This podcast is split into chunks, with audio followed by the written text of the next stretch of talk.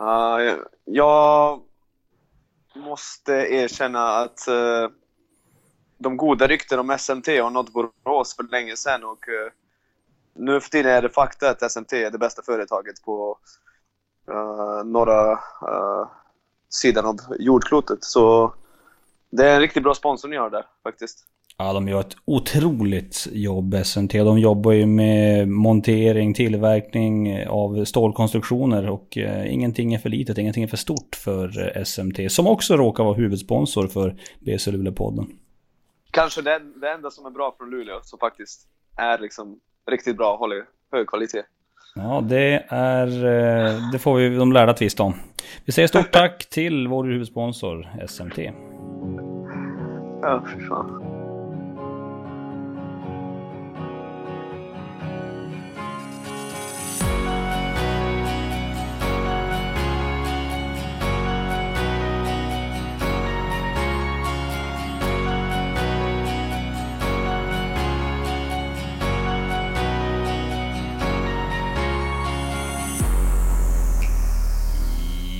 Ja, hallå där basketvänner och varmt välkomna till ett nytt avsnitt av BC Luleå-podden med mig Max Wik och David Keso Nilsson och dagen till ära även BTs basketbloggare, Twitterprofilen Nick Rajacic. Pojkar, det har varit ett tag sedan vi alla tre var samlade. Visst är det väl så?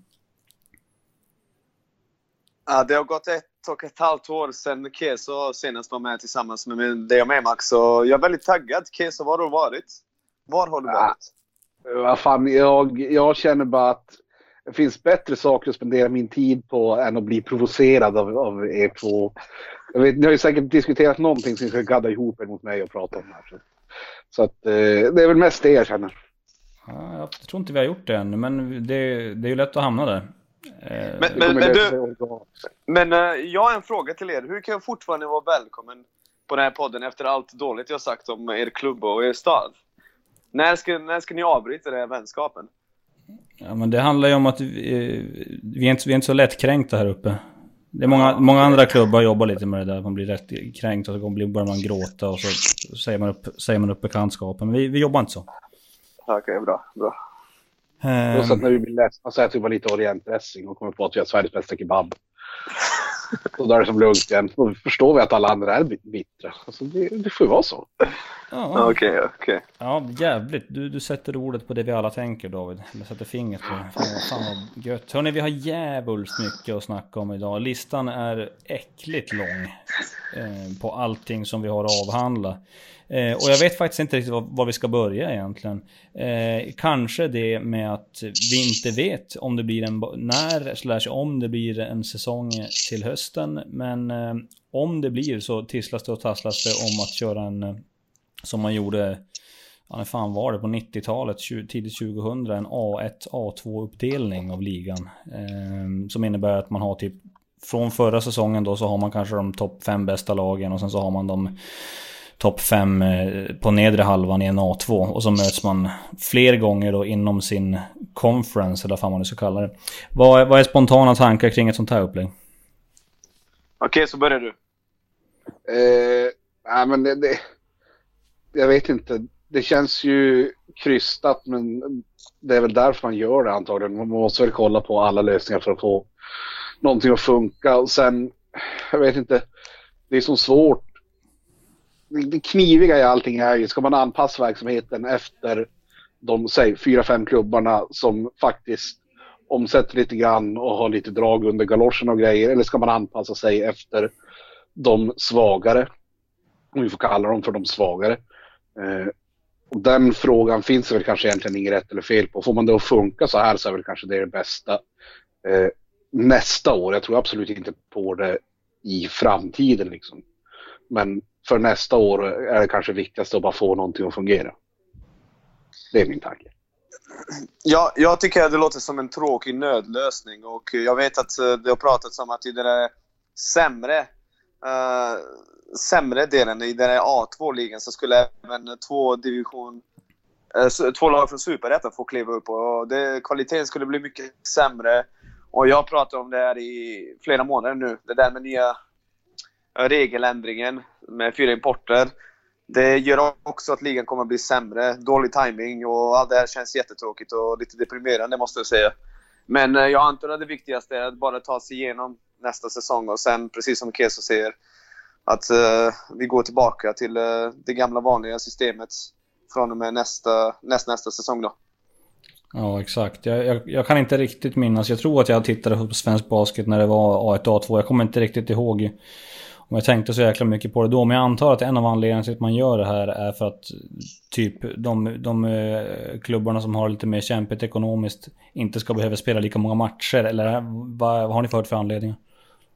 Nej men det måste ju vara det. Det måste ju vara det och att uh, skära på resekostnaden och, och så vidare. Så nej, det, jag tror att de hade någon uh, liknande lösning i slutet på 90-talet också. Jag tror att M7 från Borås när de gick till final 97, att de kom från A2. Alltså att de vann A2 och sen uh, på något mirakulöst sätt tog sig till finalen mot Plannja som Borås M7 vann.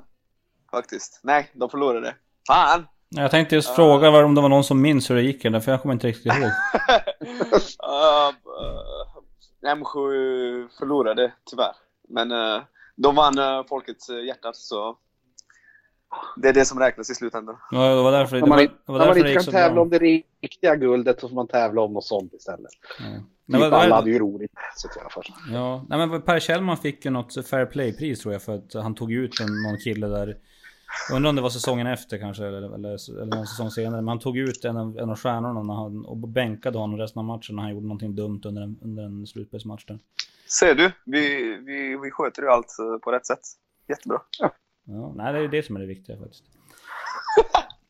eh... Nej, men får jag, får jag bygga vidare lite grann? Ja, bygg på. Ja. Alltså, det, det enda vettiga för att man skulle göra det här, det är ju färre matcher. Det finns liksom ingen annan förklaring till det. Men skulle vara, om man säger skär resekostnaderna, skulle man, är det vettigare att dela in i typ en no, norra och södra? Alltså sen skulle det inte påverka Luleå så jävla mycket för man skulle ändå behöva flyga till typ allting förutom Umeå och Östersund kanske.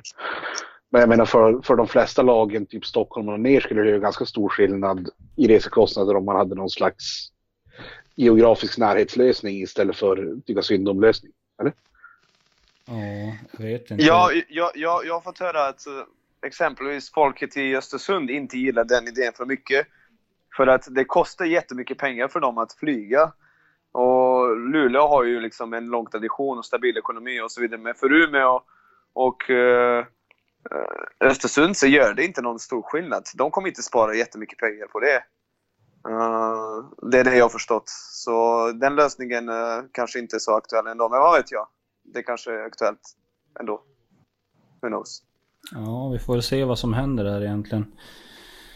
Vi får se vad som händer, men det, det är ju inte det enda som är på gång. Jag vet att det diskuteras även att uh, få ner kostnader på domare, uh, få ner, slopa kommissarier på, under matcherna. Uh, och, och även, jag tror att det har pratats om lägre avgifter till, till förbundet på, på något vis. Där, om det är fiberlicens eller vad det nu kan handla om, jag vet inte exakt. Eh, men alla, alla, eller många bäckar små som man säger, allting som, som kan lindra den ekonomiska smällen som ändå blir för många. Eh, det är väl bra eller? Ja, det, det är den enda vägen liksom. Eh, eh, och det enda sättet för klubbarna att överleva. Så jag förstår om du tänker så. Jag hoppas bara att vi kan komma tillbaka till det vi är vana vid. Så kommissarie vill jag gärna ha på matcher, även fast i år så gjorde man bort sig där i, matchen mellan Vättervin och Södertälje exempelvis när Dino Pitter satte ett straffkast om det inte räknades och så förlorade Södertälje med en poäng och så. Kommissarien gjorde inte sitt jobb, whatever. Jag vet att många säger att ja, men de gör ingenting ändå. Men eh, jag hade velat se dem där och jag hade velat ha tre domare på matchen istället för två och så vidare. Så återigen, jag hoppas bara det är en anpassning för att man sedan ska kunna gå tillbaka till det vi är vana vid. Det är nog det som är tanken, får vi hoppas i alla fall. Um, och det, det, har ju börjat byggas lite grann i klubbarna, lite grann här och där. De, de, de två som hittills liksom aktivt har gjort saker är ju Jämtland och Norrköping faktiskt. Eh, Norrköping har tagit in, eh, eller förlängt med Adam Ramstedt, har eh, värvat hem Felix Terins från eh, Nässjö. Och om vi börjar med dem då, det känns ju som ändå som en ganska skön start för dem. Ja, Keso kör du. Eh, nej, men det tycker jag väl. Alltså, Terins är väl, är väl kul att få hem. Eh, och, och Ramstedt är ju stabilt. Det, det är en jättebra början. Och sen, ja, alltså, jag menar, det är en jättebra start. Börjar du bygga med amerikaner på det där sen så blir det vettigt. Terins har ju tagit stora kliv. Ja, lite, sva lite svajigare nu efter skadan här men ändå, men har ju ändå liksom etablerat sig på, i ligan på något vis. Eh, ja, exakt. Sen så... Ja, han, ja. Vad säger du? Fortsätt. Nej men alltså, eller var det Keso som skulle fortsätta? Nej, det var du. Nej, fan kör. Nej men alltså, som Keso sa, stabilt med Ramstedt, stor kille och kan då ha en stor svensk kille som kan leverera, det är ju stort plus. Terins hade ju jättebra första säsong i Nässjö. Nu förra säsongen, jag såg en del Nässjö-matcher. Jag tyckte att han spelade dåligt. om jag ska vara ärlig. Mm. Men uh, uh, han tog inte nästa kliv och det kanske inte är så konstigt med tanke på hans skadeproblem. Men uh, jag tror att han hade högre po poängsnitt i år, men det såg inte bra ut. Och ofta när han var inne på planen så gick det dåligt för laget och så vidare. Och han var lite osäker på vad han skulle göra, för de hade ju eh, en till guard där i laget som hade höll bollen ganska mycket. Så jag blev besviken, om jag ska vara ärlig, på vad han gjorde i år. Men det be behöver inte betyda att det inte är en bra förstärkning för Norrköping. Liksom. För kan de ha Terins Ramstedt och sen även Schüberg, Sachs, Sekovic så kan det bli riktigt bra svensk stomme faktiskt. Ja. Sen är det väl inte helt ovanligt. Helt o, det är inte helt ovanligt att man haft en, en första bra säsong liksom i ligan eller vars, vars det nu än är. Att man om vi nu kallar det för hans sophomore-år, året efter, liksom gå tillbaka lite grann eller inte är lika bra Precis, som man kanske förväntar folk, folk, folk vet eh, vad hans game går ut på lite bättre nu och så vidare. Så det, det är så det mm. Davve, hade du något där? Eh, nej, det var väl ganska precis det. Alltså, han tog ett jävligt stort kliv inför, alltså, förra säsongen. Tog ett stort kliv. Och så det plus skadeproblem så hade det egentligen varit märkligt om han tog ett stort kliv till igen. Eh, utan jag tror mer bara se vad som händer i år. Men det är väl intressant att få hem honom igen. Ja. Är det någon som vet hur de mår ekonomiskt nu i Norrköping? För det var ju, fan för ett år sedan var det hyfsat svarta rubriker. Ja, jag har förstått det som att uh, det går bra för hallen. Uh, alltså deras restaurang och så vidare. Så de, de är väl på, på väg att rehabilitera sin ekonomi. De har ju fortfarande det stora minuset att ta hand om. Men eh, de fick ju en publikökning i fjol och så vidare så det är, det, det är säkert därför de skriver på folk och känner sig ganska säkra i framtiden. Ja, det är intressant. Hur som helst, Norrköping bra start. Och sen har vi då Jämtland såklart. Som eh, började med att förlänga med, med Tabrian Dawson som skadade sig tidigt i fjol men som har hyllats som den bästa basketspelaren som någonsin har satt sin fot i Sverige av, i Östersund. Och eh, även då lagkaptenen, åldermannen R.T. Gwyn har ju förlängt. Och sist men inte minst då, det som eh, många sa absolut inte skulle kunna hända. Det finns inte en chans i hela världen. Men Adnan Chuk är nu alltså coach då för Jämtland. Eh, tankar kring det här Nick? Nej men alltså, med Chuk så blir de ju guldkandidater. Så är det bara. Han är, ni vet ju hur det funkar med honom. Han, eh, man kan klaga på hans spelstil och hur han eh, uttalar sig i media och så vidare. Kanske lite enformig och tråkig. Uh, framstår ibland som arrogant och så vidare. Men eh, det är en bra coach och då kommer det bli bra. Så är det bara. Frågan är vad han kan åstadkomma nu direkt. För att han kommer ju liksom att uh, köra sin typ av basket. Och Dawson som fick jättegrönt ljus där och Torbjörn Gerke på försäsongen kommer inte kunna ta hur många avslut han vill och så vidare. Så det de har mycket kvar att göra, men nu på förhand så känns det väldigt rimligt att säga att uh, de är tunga guldkandidater och det är ju första gången det, i deras historia det händer och det är väl kul för dem. Sen Artie Green. bra, bra de förlänger honom. Det är en stabil snubbe. Uh, han verkar vara en fantastisk ledare. Nu vet man inte hur det är för man är inte det omklädningsrummet. Man har ju tokhyllats som uh, en uh, riktigt, uh, riktigt bra ledare och så vidare. Sen uh, när det gäller hans game, han, han uh, är rutinerad, tillför mycket, men något som många inte märker av någon anledning är att han ofta tar easy way out. Och med det menar jag att han hänger gärna vid tre, trepoängslinjen. Trots att han är riktigt stark och hade kunnat spendera lite mer tid under korgen. Uh, så han älskar att vara där ute och poppa treor och kanske inte offra sin kropp för mycket under korgen. Men uh, det, det, är inte så viktigt uh, att lyfta fram nu. Utan det viktigaste är att de förlängde honom. Och i, med honom i Dawson och Chuck så ser det lovande ut. De kommer bli bra. Om, om vi då förutsätter att det inte blir run and gun nu under Chuck. Eh, man vet ju inte. Han, han påstås ju ha spelat lite snabbare basket i Genève senast här. Eh, men vi, om vi gissar att han, att han går lite mer då som det såg ut när han var i Norrköping så kan det väl vara något som RT Gwin kanske mår bra av när han är typ 38, 39, 40 år. Ja, han har ju spelat i de stora ligorna. Han har ju spelat i Panathinaikos så jag tror inte det kommer vara någon eh, uh, omväxling för honom. Att han inte kommer veta vad han ska göra. Oj, vad är det här? Den här typen av basket har jag aldrig sett. Han har ju spelat i Europa sedan 2004 tror jag till och med. 2004, 2005. Så han har sett allt och han kan den, de, de flesta liksom, uh, strategierna. Han har sett det mesta. Han kommer, uh, han kommer må bra liksom, uh, oavsett vem som coachar. Och nu har jag en fråga till David här. Ja.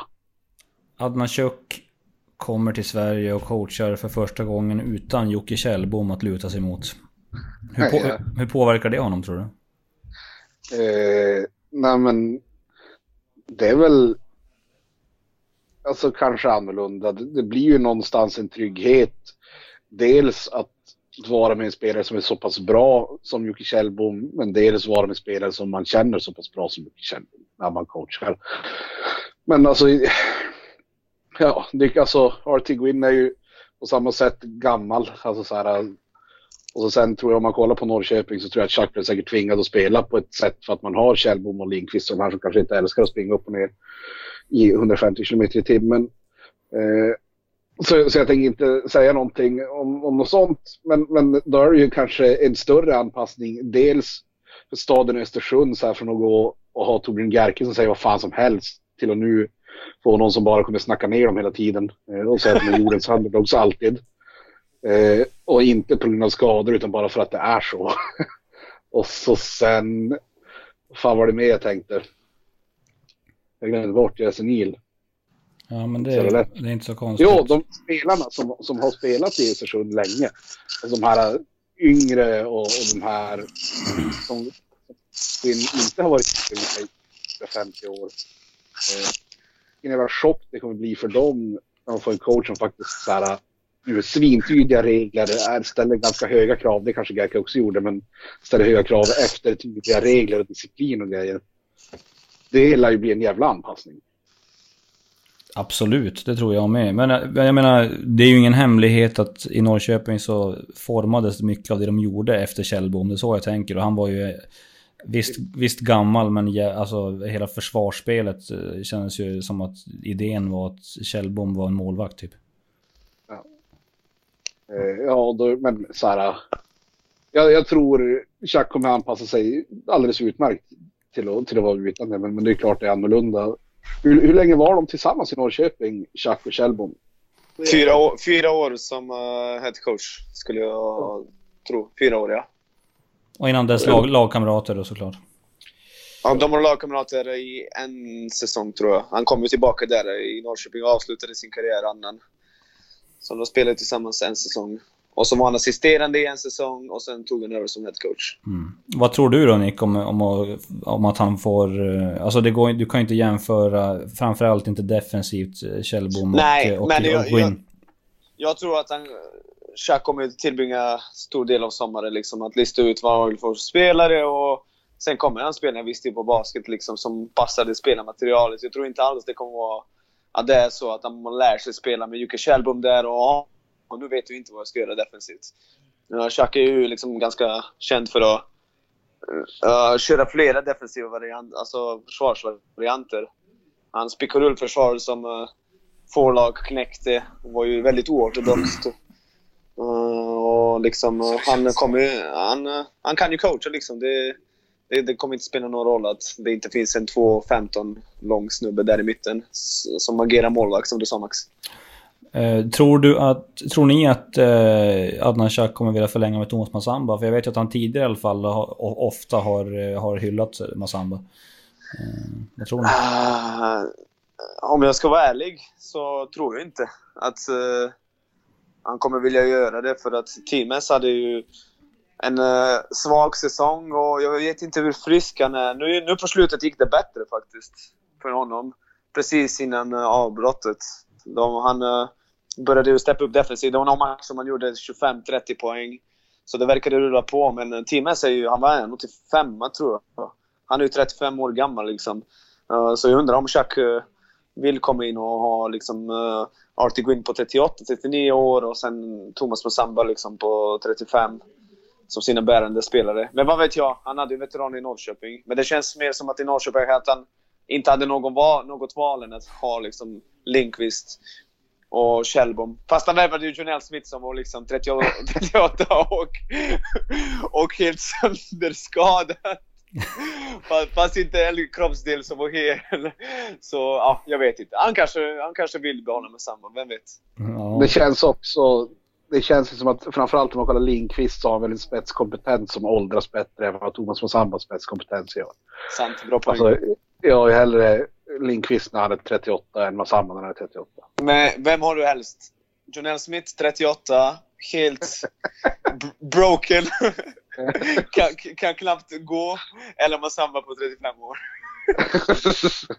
ja, fan Smith dödade ju ändå BC där så att... Ja, det kommer jag ihåg. Kommer han satte sina första tre poängar i karriären mot oss där i final 7. Men det vi, det vi också måste räkna in här, det är ju att Jämtland uppenbarligen har oändligt med pengar. Ja, de kommer inte kunna signa Massamba till 40 000 i månaden och sen bestämma sig för att han får spela med division 1 istället för att de ångrar sig.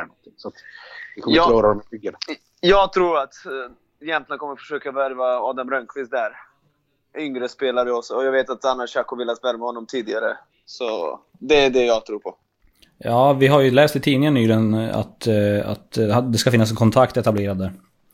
Så att det, du, du är nog inte, all, du är uppenbarligen rätt ute nu. Vi får se. Det är nog ingen dålig gissning. Nej, nej. Eh, en annan fundering som man har är ju så här, och det här är, det här är ju lite, lite seriösare då. Men vi vet ju att runt om i basketligan så har vi ett gäng olika tränare som tycker om att spela basket på olika sätt. Eh, och vi har ju väldigt många fanboys till Adnan Shak där ute. Hur ska det gå för dem när de ska coacha mot Adnan? Nu kommer de bara ge upp under matcherna eller vad, vad tror ni kommer hända? Vilka coacher ingår där? Kan du nämna dem, Max? Är du snäll? Jag vill låta det vara osagt. Jag tror vi vet vilka det handlar om. Är det Peter Rökvist? Ja, han är en av dem naturligtvis. Nej, Nej jag skojar. Det är det inte. Nej. Vilka är det? Degenäs och Henrik Svensson? Nej, jag tror att uh, det inte kommer spela någon roll att de är vänner utanför planen. Är, är det en vänskapsrelation eller är det lite min pappas son? Eller hur, vad tror du?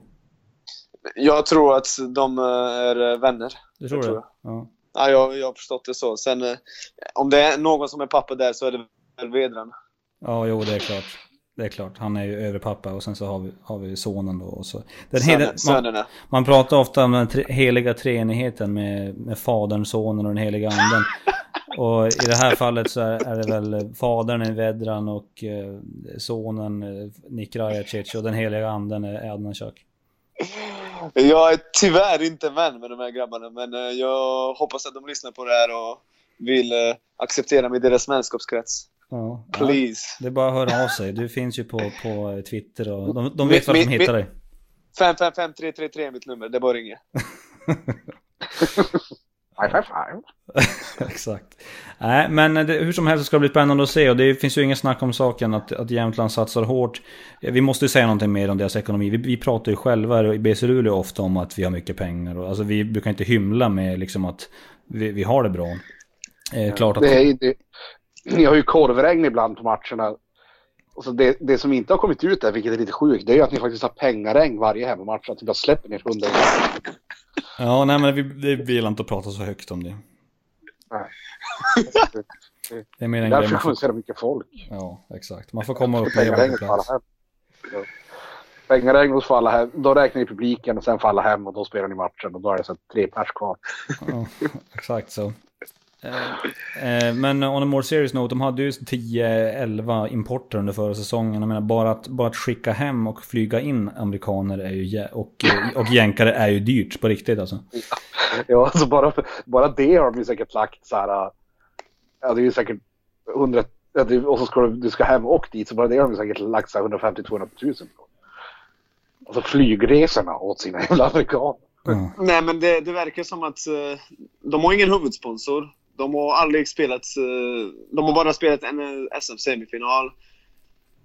Och de var ju liksom on the brink eh, av konkurs för typ 4-5 år sedan. Men nu verkar det gå bra och det är bara att glädjas med dem. Ju fler klubbar som aspirerar på att vinna guld, desto bättre. Går ganska dåligt för eh, fotbollsklubben i Östersund, så det är väl öppen motorväg eh, till de här sponsorerna som bara står där och vill satsa stora massor av pengar på basket. Visst är det bra att bo i Östersund just nu? Så är det.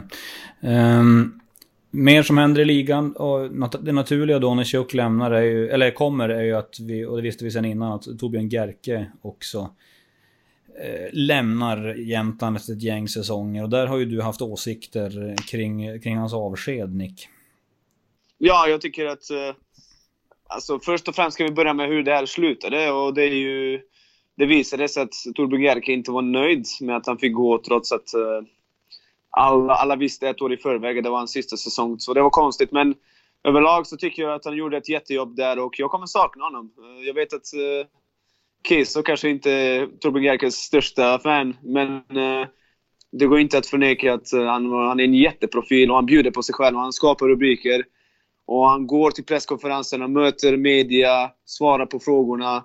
Och det är bara en transparent och bra person som jag hemskt gärna vill se att vi behåller inom svensk basket. Sen om han jobbar på förbundet, eller om han jobbar som sportchef i någon klubb, eller om han jobbar som coach, så vet jag inte. Men jag har stor respekt för honom och vad han betyder för svensk basket. Och han har gjort ett jättejobb i Östersund. Eller hur, Keso? Eh, nej, men jag måste ju faktiskt säga så här. Alltså, det, Gark, man vill ju ha kvar Gark i svensk basket. 100 procent.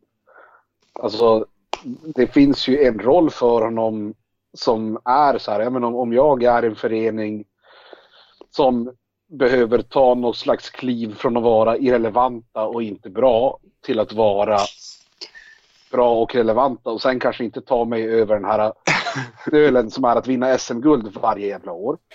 Då är ju Gerki perfekt.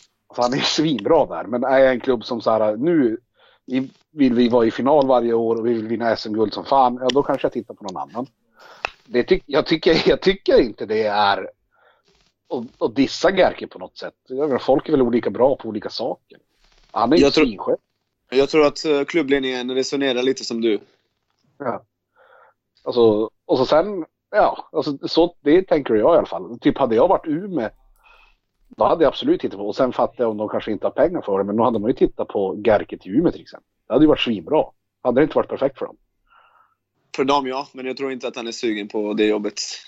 Nej, det får väl stå för han. Men, men jag menar, det är det jag säger. Som jag hade varit Umeå så, så en Gerki-profil sån hade varit perfekt. Får vi se honom i Stockholmsområdet kanske till hösten?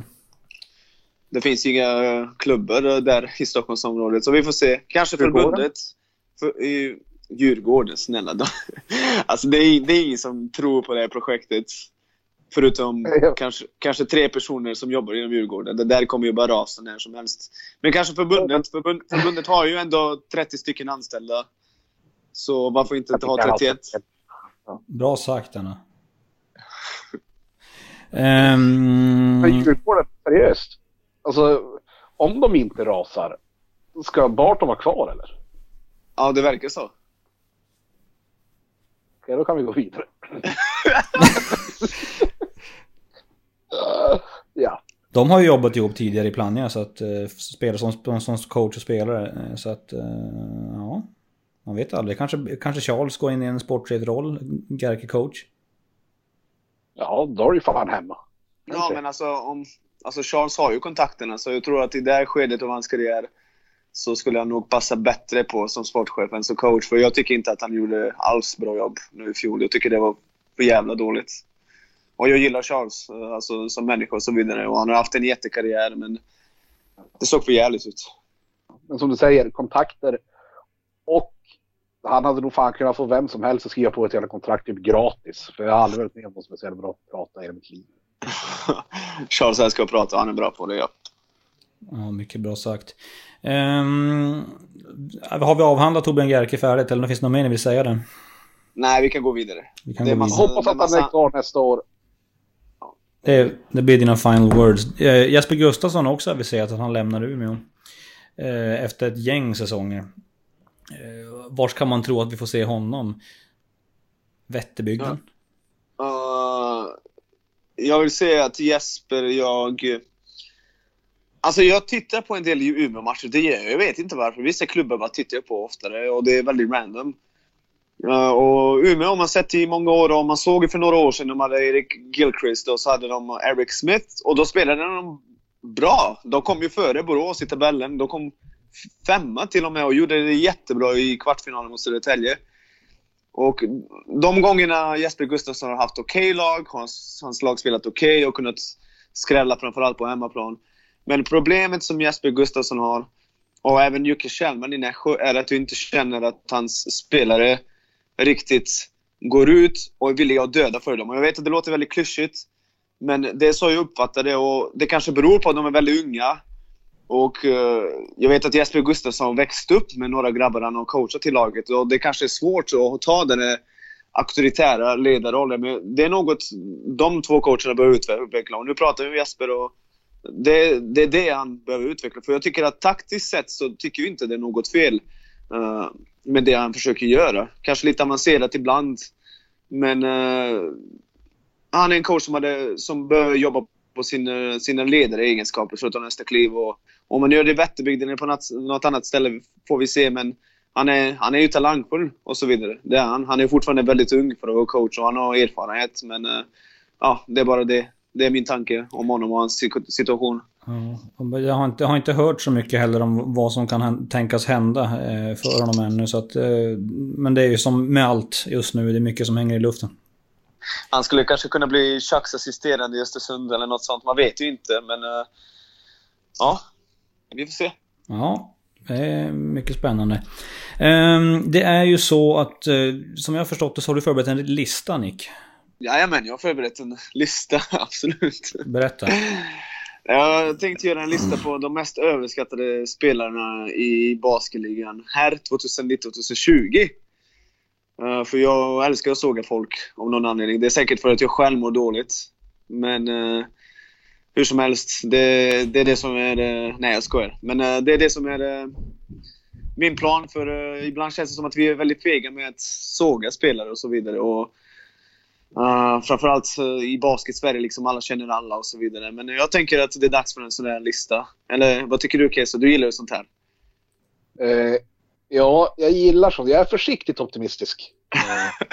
Okej, okay. så ja. min, min femma har ganska många guards här kommer ni märka. Så det är en guard-heavy lista. Men uh, vi börjar med point guard-positionen. Eller den kortaste spelaren i det femman. Eller han kanske inte är det, men strunt samma.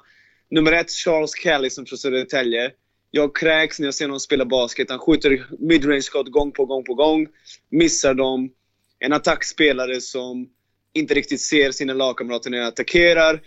Jag vet inte Max om du kommer ihåg det här, men när ni vann den här bortamatchen mot dem, som typ vände er säsong, precis innan kuppspelet så höll Södertälje på att göra en run. Ni ledde med typ 10, de gör en run. Han snor bollen, han går på layup och jag bara vet att han kommer missa. Jag hejar ju såklart mot Luleå i den här matchen, för jag avskyr Luleå. Han, går, han, spr han springer från halvplan och jag vet att han kommer missa den. Och han missar den. Och efter att han har missat den så, springer, så sprintar han inte tillbaka. Jag tänkte, vad gör det? Jag, jag fattar inte att Ludvig Degernes pallade med honom. Jag förstår inte det. Det är, det är en snubbe som jag vet ingen i ligan kommer någonsin resigna. Om man har sett honom spela. Och tittar man på stats så ser han stats okej okay ut. Men det är en destruktiv spelare. Jag hatar hans game. Uh, får, får, vi, går... får, får, vi kommentera en i taget och sen så, eller hur ska vi göra? Okej, okay, ja visst, ja, visst, visst, visst, visst. Kör, kör. Ja, vad, tänker, vad, vad, tänker du David när du hör det här om eh, Charles uh, Carlison? Uh, alltså jag hade, okej, okay, ska jag vara superärlig eller? Ja. Jag hade typ inte kunnat peka ut för Charles Carlison här i en line-up om du hade ställt honom med fem pers. Ja, jag har aldrig, och, brytt, jag har aldrig brytt mig så lite om en spelare i ett lag någonsin. Ja. Som man ändå borde bry sig om Södertälje. Man älskar ju att hata Södertälje, men jag bara... Äh. Det säger, du sa hans namn, jag bara, vem? Det säger mycket om honom. Att, att du inte ens vet vem det är. Det är ju liksom ja. allt man behöver veta. Va, vad säger du om du får se honom i Södertälje till hösten igen? Vad skulle jag säga? Ja. Alltså det kommer ju bara aldrig hända, det vet jag. Alltså, man, har man sett ett par matcher så förstår man att han aldrig någonsin kommer spela i Södertälje. Det kan jag garantera dig, så det behöver jag inte prata om något mer. Ja, som jag, som jag, om vi nu ska gå in på jävligt personlig plan här så som jag förstår det så har han rotat sig lite grann. Kanske skaffat en sambo eller någonting där i, i Södertälje. Och stackars Södertälje då. Han spelar i Knights. Ja, ja fy, hans game. Jag, jag tycker bara att han var omodern. Hans midrange. Och han kunde ta sjukaste midrange fadeaways. Men de satt inte. Och hans skott hade ingen bra båge. Det såg bara kon- Så du vet, sköt han ur balans med ett ben framför för han ville fiska fall och bara äh, Usch! Ja, Usch. ja, spännande att se vad som händer för honom i framtiden. Vi går vidare på listan. Okej, där är också en spelare, Keso, som du inte skulle kunna peka ut om han stod i en rad. Kan du tänka mig. Men uh, den här snubben heter Adam Rönnqvist. Han, uh, han kommer faktiskt från samma stad som du, men nu spelade han för Vätterbygden och uh, nu pratar vi inte... Den här listan handlar om spelare som var överskattade. Den här listan handlar inte om dåliga basketspelare. Så jag vet att Adam Rönnqvist är en av- en av de vassaste skyttarna vi har i Sverige och en av de bästa de senaste tio åren. Inget snack om saken. Vi vet att i ett bra lag som Jämtland förra året så kan han vara liksom giv, eh, ledande spelare i ett lag som liksom skräller och tar sig till semifinal och så vidare. Jag tycker bara inte att han hade ett bra år och jag tycker att han var en stor anledning till att Wetterbyns försvar ofta var ett skämt. Sen förstår jag att han hade det så... Han hade liksom en annorlunda uppgift nu för Ty Sabin. Så visade det sig vara en fantastisk eh, bucket getter. Han, han sköt effektivt, men han sköt även mycket. Han ville ha bollen i händerna mycket och så vidare. Och då blev det så att Rönnqvist stod där och bara tittade på. Liksom. Så jag förstår att det inte alltid är hans fel. Jag, tycker bara, jag trodde bara att han skulle snitta mer. Jag vet att han snittade 13 poäng, men jag trodde att, jag trodde att han skulle få ännu mer ansvar. Att han skulle växa defensivt framför allt. Och att han bara helt skulle, att han skulle ha bättre säsong än det han hade. Don't go there bro. Vill vill vi att jag ska kommentera? Ja, ja. Släpp lös, släpp lös hundarna. Eh, nej, men, men jag, så jag kan bara nudda vid lite grann. Eh, jag tänker så här. Att ett så måste fan Ty Sabin ha varit den svåraste spelaren någonsin att spela med. Eh, och han var ju fan kass defensivt. Sen, det, det jag råkar veta så här, och det här är faktiskt inte i första hand information från, från, eh, från den här Adam Rönnqvist som du säger att han heter. Eh, men, men det jag har hört är att Boris Bröblé faktiskt tänkte värva honom som har spelat typ ren point guard. Och då känner jag så här, ja men är det så du ska göra då? Alltså, jag, det jag vill säga med det här är att Boris Bröblé är kass. Eh, I say it kass. Eh, det, var inte Rönnqvists fel. Rönnqvist är bäst. Så. Men det, går, det, går, det finns ju många tveksamheter i, i vad eh, Vätterbygden pysslar med generellt som i lagförsvar defensivt. Ja. Eh, som kanske... Är det Adams fel det eller? Nej, verkligen inte. Alltså det var ju... Alltså, Boris kass. Nej. Det var ju hela laget spelade, eller de flesta spelade i laget. För de hade ju han dansken som var också vassskytt. Spelade ingen försvar. Uh, han eh, uh, centern Kone, eller vad han heter efternamn. Han spelar ju försvar, skadas efter sex omgångar. Uh, eller vad det var. Så det var ju mycket som uh, liksom... Uh, som, som behövde hända för att liksom, det skulle bli den där pannkakan vi fick se. Det var ju pinsamt stundtals. Det, när de förlorade den där sista matchen mot Umeå på hemmaplan. Alltså det där började vara brottsligt. De borde bara fängslas allihopa. Och, eller häktats i alla fall. För det där är inte okej alltså. Jag hade inte kunnat titta på en sponsor efter matchen och bara Tack för att ni kom! Valda Sabas gjorde 38 poäng mot oss, men tack för att ni kom. Det, det uppskattas. Och by the way, Valda Sabas väger 20 kilo mer än vad han gjorde senast han var här i Sverige och verkar vara helt äh, ur form. Men tack! Tack för att ni kom. Uh, nej, men uh, jag försökte vara rolig där. Men hur som helst, det är inte bara Rönnqvist- det är inte bara Rönnqvists fel. 100% jag håller med dig. Men jag trodde att han skulle leverera mer och det gjorde han inte. Okej, let, let's ag- agree to disagree. Ja, det är konstigt att ni backar upp honom. Jag är faktiskt chockad över det. Men vi går vidare. Skräll. Ah, Jätteskräll. Nästa spelare på listan, och jag vet att han är point guard annars, men eh, han är ju lite längre och sådär. Så på small forward-positionen kommer jag ha Nick Russell från Nässjö. Uh, snittar 20 poäng per match och så vidare, men herregud vad han inte kunde göra sina lagkamrater bättre. Och jag har faktiskt sällan sett en spelare som, som kan imponera på det sättet som han gör på en individuell plan Men eh, ingen blev bättre. Och när han var inne på planen så blev ingen bättre av att han var på planen och hade bollen. Och han var inte speciellt bra passare. Och han kunde få sina stats, men jag tycker bara att det var felvärvning för Jocke Kjellman. Och, och Nässjös klubbledning, de hade behövt en spelare som faktiskt kan sprida upp bollen. För grejen är att Nässjö hade en, ett underskattat brett lag. Framförallt när de värvade där Walter Lindström på slutet och Felix Terings blev frisk och så vidare. De hade ju 10-11 snubbar i rotationen. Men uh, alla, alla spelade med handboll runt eh, sina händer för att Russell höll i bollen mycket, ville skjuta mycket. Han verkar vara en ganska professionell kille och omtyckt. Jag säger inget om det. Jag säger bara att den är en spelare du borde blivit av med direkt trots att han hade sjukt bra stats. Och det är för att han, han, uh, han var inte den ledaren som gör alla andra bättre. Så är det bara. Jag, jag tror inte vi har så mycket att diskutera kring det. det väl, man håller väl med i, i, i den här analysen.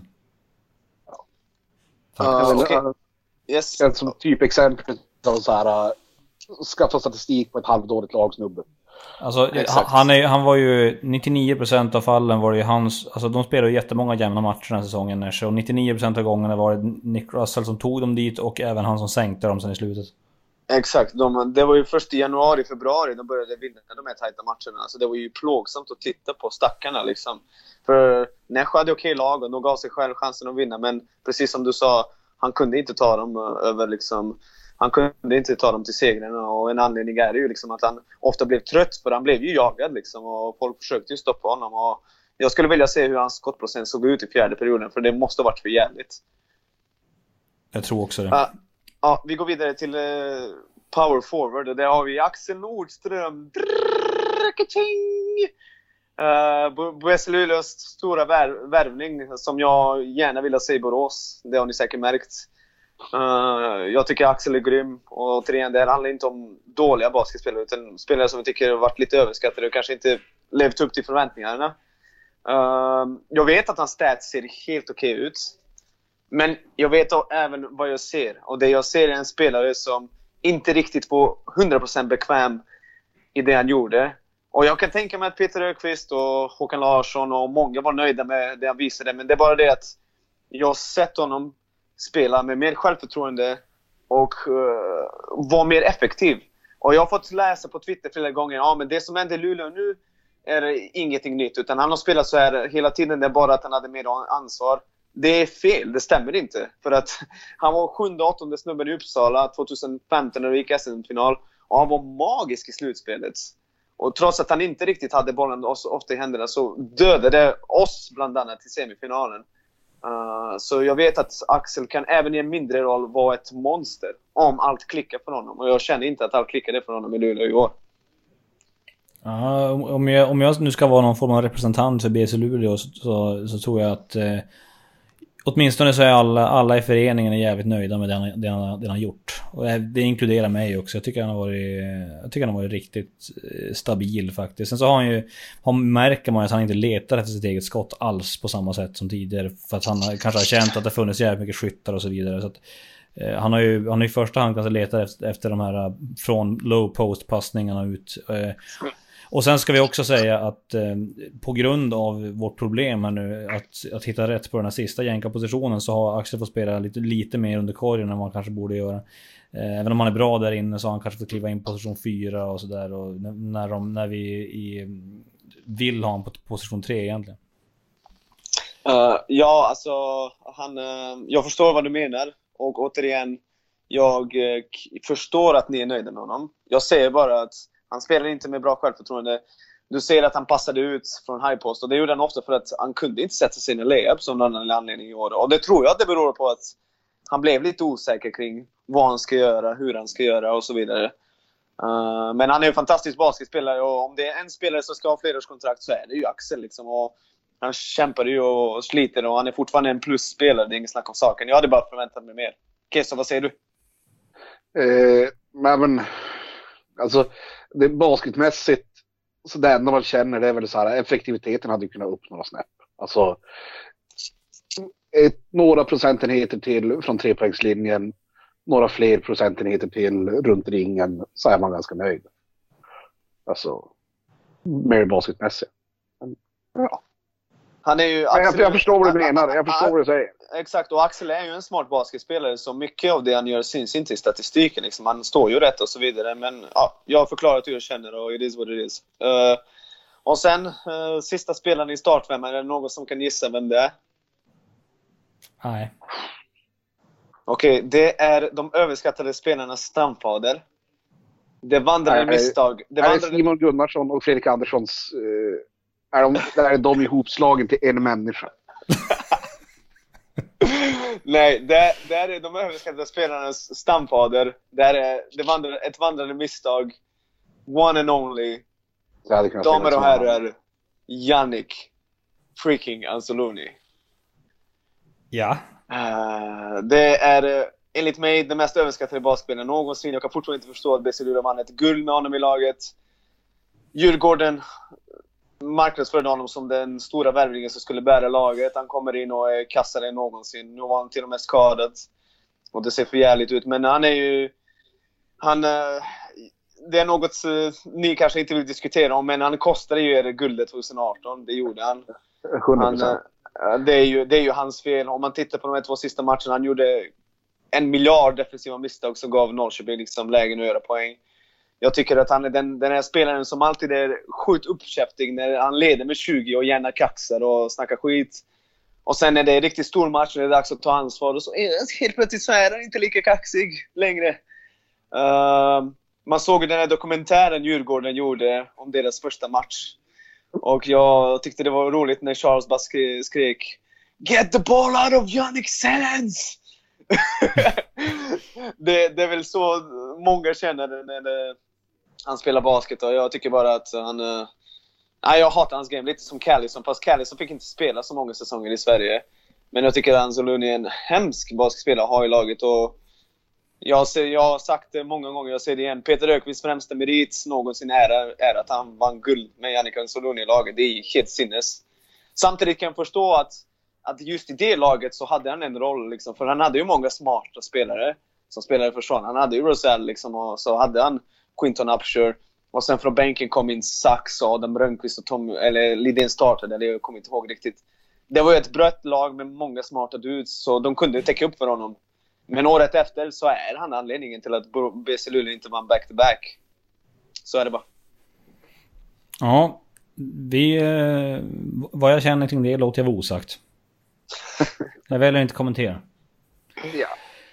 Vet ni vad? Jag sitter här nu och jag märker att stället där jag ska köpa sushi stänger om 41 minuter. Och det innebär att eh, jag, jag måste ringa ett samtal nu och, så att eh, jag får den där jävla sushin. Ska, ska vi avsluta nu eller? Ja, jag tycker det. Jag är ganska nöjd med det. Är det några, finns det några avslutande ord som ni skulle vilja säga? Nej, det, det blir bra för mig också. Ja. SMT är ett otroligt bra företag. Det är väl ungefär det man, man känner att man kan runda av med. Hur, hur mycket ser ni fram emot att se The Last Dance imorgon? Ja, jag, jag fruktar det. Jag fruktar det. Nej, Michael, Michael Jordan var en grym basketspelare. Jag kommer att se varenda, varje sekund av dokumentären. Så är det bara. Men jag vill bara inte att han ska överglorifieras. Men, men vi har några sådana där diskussioner att ta i ett senare poddavsnitt. Jordan och LeBron. Ja, det eh, kan och vi göra. Ja, 10 det, meter under dem så kommer Kobe och, och lite sådana där. Ja, det, det finns mer att snacka om, absolut. Men jag tycker ändå att vi säger så här att med, med de orden så tackar vi för oss idag. Och jag säger stort tack till er pojkar för att ni ville vara med idag. Tack själv. Tack själv. Och stort tack till vår huvudsponsor SMT. Det här har varit BC Luleå-podden. Vi säger på återhörande.